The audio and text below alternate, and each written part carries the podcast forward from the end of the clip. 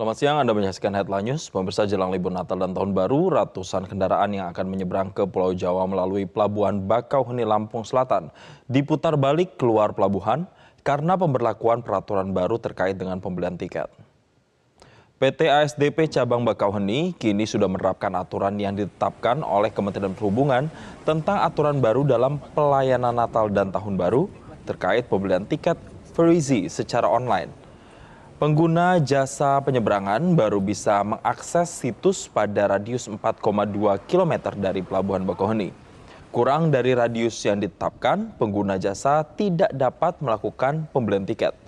Aturan yang diberlakukan 11 Desember 2023 lalu ini berimbas kepada pengguna jasa penyeberangan yang belum memiliki tiket namun sudah ada di area pelabuhan diputar balik hingga radius 4,2 km. Mereka bahkan terpaksa menunda perjalanan selama 1 hingga 2 jam. Tak hanya itu, gerai tiket online Freezy juga terancam tutup.